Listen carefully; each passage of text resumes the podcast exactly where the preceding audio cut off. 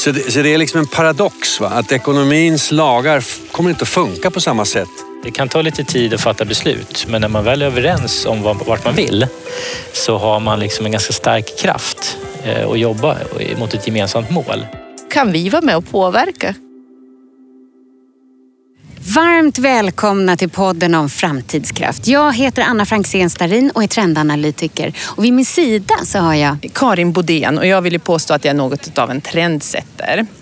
E-, eller så är jag inte riktigt det, men jag är i alla fall en mycket omvärldsintresserad person som arbetar med kommunikation på Jämtkraft. Jättebra. Och vi har ett energiskt innehåll i vår podd. Kan inte du berätta vad den ska handla om, Karin? Jo, det gör jag gärna. Vår podd ska handla om det viktigaste som finns. Näst efter kärlek då kanske. Energi. Och idag sitter vi i hjärtat av Almedalen med utsikt över den stora scenen mm. där Sveriges främsta politiker har under åren sedan 1968 mm. stått och pratat om framtiden. Mm. Ni hör vinden, ni hör måsarna, ni hör vattnet som skvalar här bakom oss. Vi har ju fokus på framtiden och vilka krafter den kan bära med sig och det är därför som vi kallar vår podd för Framtidskraft. Och jag tänker Anna, du har ju rätt bra koll på det här med framtid. Hur ser svaret på gåtan ut? Hur kommer energi att levereras om tio år? Vem producerar? Och, och så är det här, varför tror vi att vi står inför en stor, så stor förändring just nu?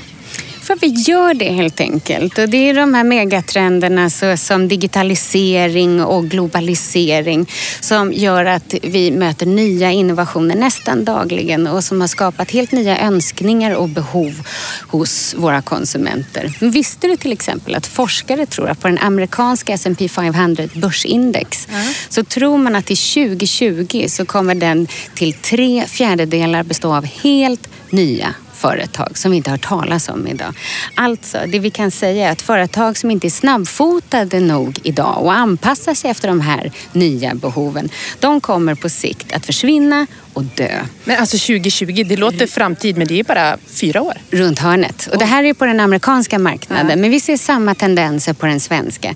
Så att det handlar ju om att se på vad vi kan göra för att anpassa oss. Och energi är en av grundförutsättningarna för vårt välstånd. Och vi är medvetna om det. Och därför så håller energi på att bli en högintresseprodukт över hela världen. Och hur kan vi då skapa miljövänlig, konsumentvänlig, prisvärd energi? Och de elbolag som utvecklas bäst i linje med vad vi kunder vill ha, de kommer också att bli vinnare. Och för att svara på och blicka lite in i framtiden så har vi bjudit in ett antal personer hit som kommer att prata med oss om just framtidskraft.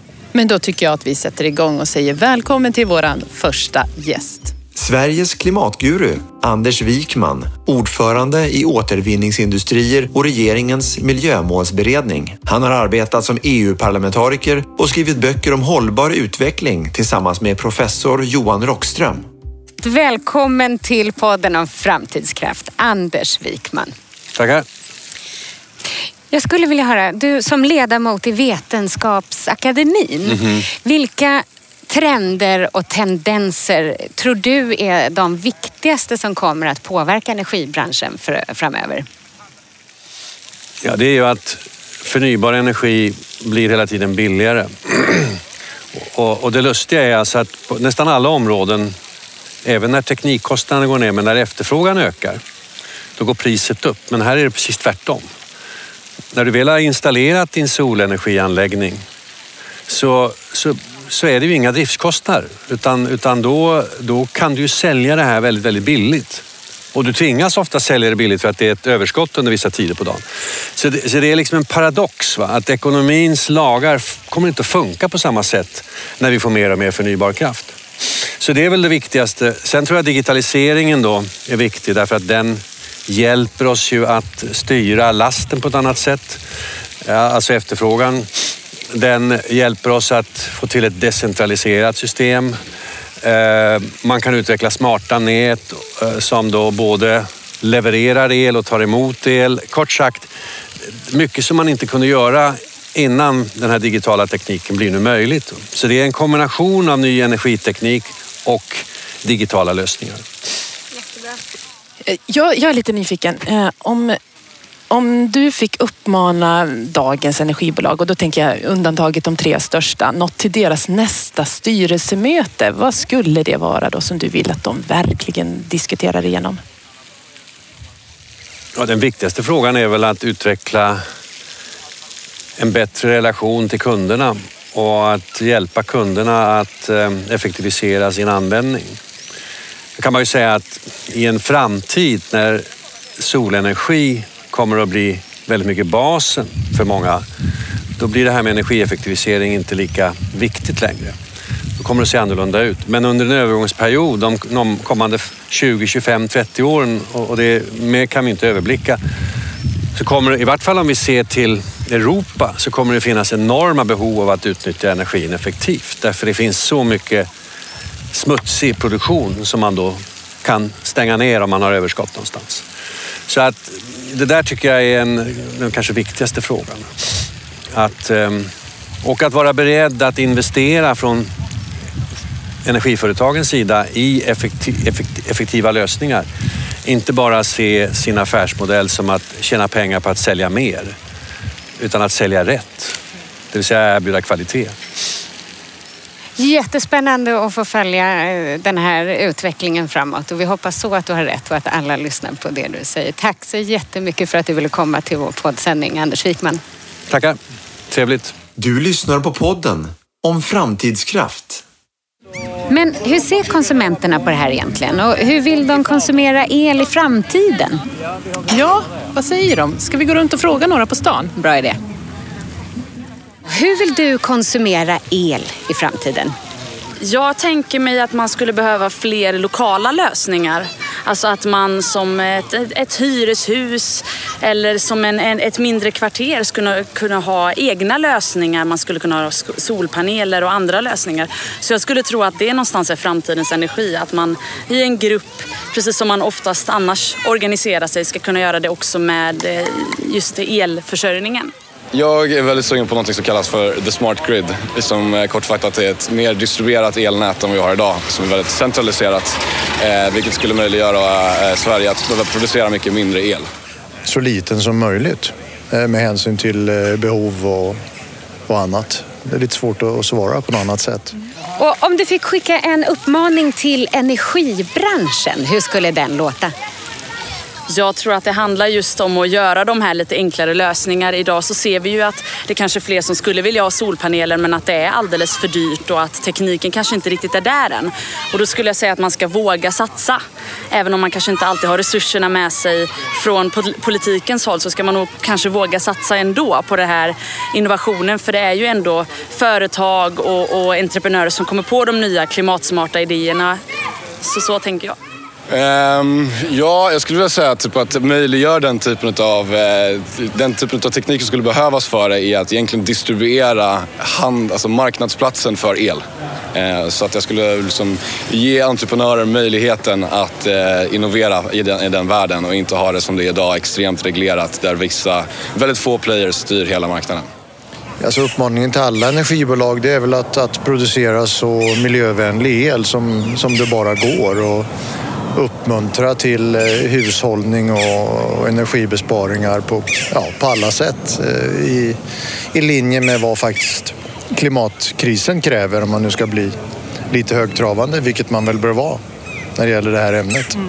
Vad ansvarsfulla de verkar. Ja, verkligen. Men nu ska vi se hur ansvarsfull vår nästa gäst är.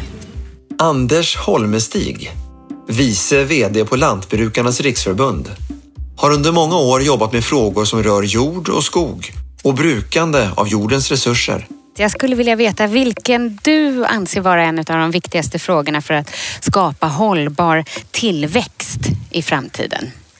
Så jag tror det handlar mycket om just hur vi byter fossila material till, och fossil energi till förnybar energi eller förnybara material. Eh, det är vår stora utmaning, just kopplat till klimatfrågan och också hur vi jobbar med oändliga resurser. LRF har ju helt andra ägarförhållanden än de flesta bolag i energibranschen. Men skulle vi inom energibranschen tjäna på att ta efter någonting från LRF i just den frågan?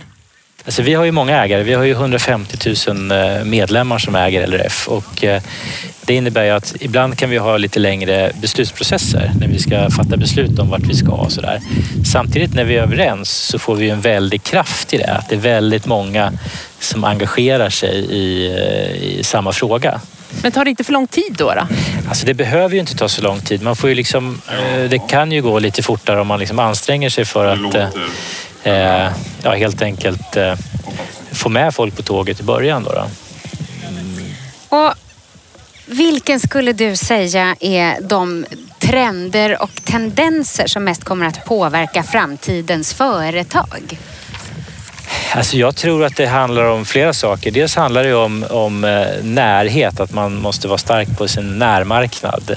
Eh, om man är lite, oavsett om man är ett litet eller ett stort företag. Det att, eh, konsumenter idag, och då tänker jag kanske mest på livsmedel, men jag tror att det stämmer överens med andra, både tjänster och produkter, att man, man vill liksom känna till det företag som man, man gör affärer med. Man vill ha en relation. Mm. Mycket tydligare nu än vad det var för kanske om man pratar om livsmedel bara för en tre, fyra år sedan. Det tror jag är ganska generellt för många branscher. Man måste vara stark, stark eh, synlig mot, eh, så att kunderna känner att man finns i närheten på något sätt. Va? Oavsett om man är ett stort eller litet företag. Det tror jag är en viktig trend. En annan trend är ju what's in it for me, eller är det bra för mig som kund? Det ska kännas bra i magen eh, när man gör någonting. När man väljer elleverantör eller när man väljer att köpa en produkt i en dagligvaruaffär så är det mycket tydligare nu att man som konsument känner att är det här verkligen rätt? Är det bra för mig? Är det inte bara en tjänst som jag kan få var som helst utan känns det bra i magen också? Det är väldigt tydligt tycker jag. Eh, en sista fråga här bara Anders innan vi släpper dig. Om du fick uppmana eh, Dagens Energibolag någonting rakt in i deras nästa styrelsemöte, vad är det då? Jag tror att det handlar om det, eh, bra i magen eller bra för mig. Eh, att man känner det när man får, får kontakten att eh, det här är ett företag som levererar en tjänst, om vi säger att det är el då, då mm. som jag egentligen inte ser. Jag använder den, jag ser den när jag tänder lampan eller så, men som jag vet hur den är producerad och också där jag kan påverka hur den är producerad. Och att den som levererar den är lyhörd för mina önskemål se till att lyssna på kunden. Är det den uppmaningen? Ja, precis. Och jag tror att det blir mer och mer tydligt eh, idag än vad det kanske var för några år sedan. Det har väl alltid varit så i viss mån, men det blir en och en, ytterligare tydligt, än mer tydligt nu än vad det var för eh, bara ett par år sedan tycker jag. Jättebra. Tack så oerhört mycket Anders Holmestig för att du kom förbi oss här idag. Tack själva. Du lyssnar på podden om framtidskraft Anna, vi lyssnar vidare på magkänslan. Bra idé. Men nu är det också dags att lyssna på den sista gästen ah. för det här programmet. Katrin Holgersson, VD på Gavlegårdarna som är Sveriges äldsta allmännytta. Hon har jobbat i fastighetsbranschen i 18 år och vill vara med och bidra till ett Sverige som har löst bostadsbristen. Hur tror du att Sabos kunder vill ha sin el i framtiden? Oh, eh, jag vet inte om jag kan representera hela Sabo men jag kan ju fundera lite grann utifrån eh, hur jag tror hyresgästerna hos Gavlegårdarna och sannolikt också även andra. Eh, jag tror inte man tänker speciellt mycket på hur man ska ha sin el levererad utan man tänker sig att det ska fungera i lägenheten. Däremot så tror jag på medvetenheten kring att det är hållbart och att man kan försvara den el som vi levererar till husen. Det tror jag är, blir allt mer viktigt. Vi har mer och mer medvetna kunder. Eh, men eh, framförallt så är det också så att vi har kunder som har mindre och mindre resurser så att det måste vara kostnadseffektivt. Vilka trender och tendenser tror du det som kommer att påverka energibranschen mest framöver? Alltså, som jag sa så ser vi ju ett, om vi tror på en fortsatt eh, urbanisering och globalisering, vilket vi sannolikt tror på, då får vi fler och fler människor som eh, har mindre och mindre resurser att förfoga över. Och då blir ju kravet på bostaden eller hur man ska leva i sin bostad, den blir ju mer och mer vad ska man säga, mer och mer eh, problematisk. Ehm, om du frågar någon med obegränsade resurser vad de vill ha av sin bostad så kanske de säger sjöutsikt och öppen planlösning. Men kommer Sverige och kommer våra hyresgäster att ha den möjligheten? Kommer Sverige att utvecklas där? Det är väl inte så sannolikt. Och då, vad, tror du ställer då, då? Vad ser du? jag tror att vi kommer ha mindre och att vi måste titta på mer hur vi ska leva. Eh, när vi byggde miljonprogrammet då var vi ganska duktiga på att fundera exakt hur långt det skulle vara mellan köket, spis och kylskåp. Hur man skulle kunna bo, hur man skulle utveckla demokratin i stadsdelarna och så vidare. Idag funderar vi ganska lite på vad vi bygger. Vi pratar mycket mer om förbättra tekniken och vi pratar om eh, hur vi ska sänka byggkostnader i stora upphandlingar och det är också jätte, jätteviktigt. Vi pratar otroligt lite om lägenheternas utformning för jag tror att vi kommer behöva prata mycket mer om människors livsekonomi. För det kommer att vara mer viktigt. Och med det menar jag att eh, man kanske måste bygga mer lägenheter där du själv kan styra över din ekonomi. De här uthyrningsrummen som vi byggde på 70-talet med pentry och egen toalett där man kunde reglera ekonomin med att en period var det tonåringen, en annan period var det den gamla morden eller så kanske det var en student. Du kunde styra din ekonomi. Det är någonting som vi måste ha i grund i tanken. Hur kan vi leva och bo så att du kan styra din egen ekonomi under olika perioder i livet på ett annat sätt och med olika förutsättningar. Och där måste allmännyttiga bolaget vara en möjliggörare och det tror jag är samma sak med energibolagen. De måste vara möjliggörare. Det går inte att göra allting som vi gör idag lite bättre utan då blir det liksom som det var förut. Jag, jag tänker på Nokia och iPhone som jag tycker är en rolig jämförelse. Nokia gjorde sin produkt bättre och bättre men de funderade inte hur människor vill leva. iPhone de gjorde en helt ny produkt som ingen hade efterfrågat men utifrån hur folk ska leva. Och dit måste vi och det tror jag att bostad och fastighetsbranschen är inte den mest innovativa och kanske mest kreativa branschen. Men jämför vi oss med energibranschen så tror jag att det är riktigt att vi är ungefär på samma nivå. Så jag tror att här behöver vi utmana oss själva. Vi som jobbar i de här måste våga kliva utanför och fundera. Hur kommer Sverige att se ut? Bör vi göra det tillsammans eller är det bättre kanske att man gör det i parallella spår? Jag tror att vi behöver tänka alla här, både tillsammans men även e- enskilt utifrån de olika. Vi, vi träffar ju olika grupper uh, och jag tror att här måste vi resonera utifrån en utveckling. Vi måste också sätta oss kanske ner tillsammans och fundera. Hur kommer Sverige att se ut? Och kanske till och med vara så kaxiga. Hur vill vi att Sverige ska se ut? Ja. Kan vi vara med och påverka? Kan vi vara med och bygga ett annat Sverige än den utveckling vi har idag? Här tror jag vi måste vara mycket, mycket modigare. Nu börjar det bli kväll här i Almedalen och det strömmar fortfarande till människor. Och vi vill ta tillfället i akt att tacka alla våra gäster, inspiratörer och experter för deras inspirerande medverkan i våran podd. Och vi vill framför allt tacka dig som har lyssnat på podden om framtidskraft.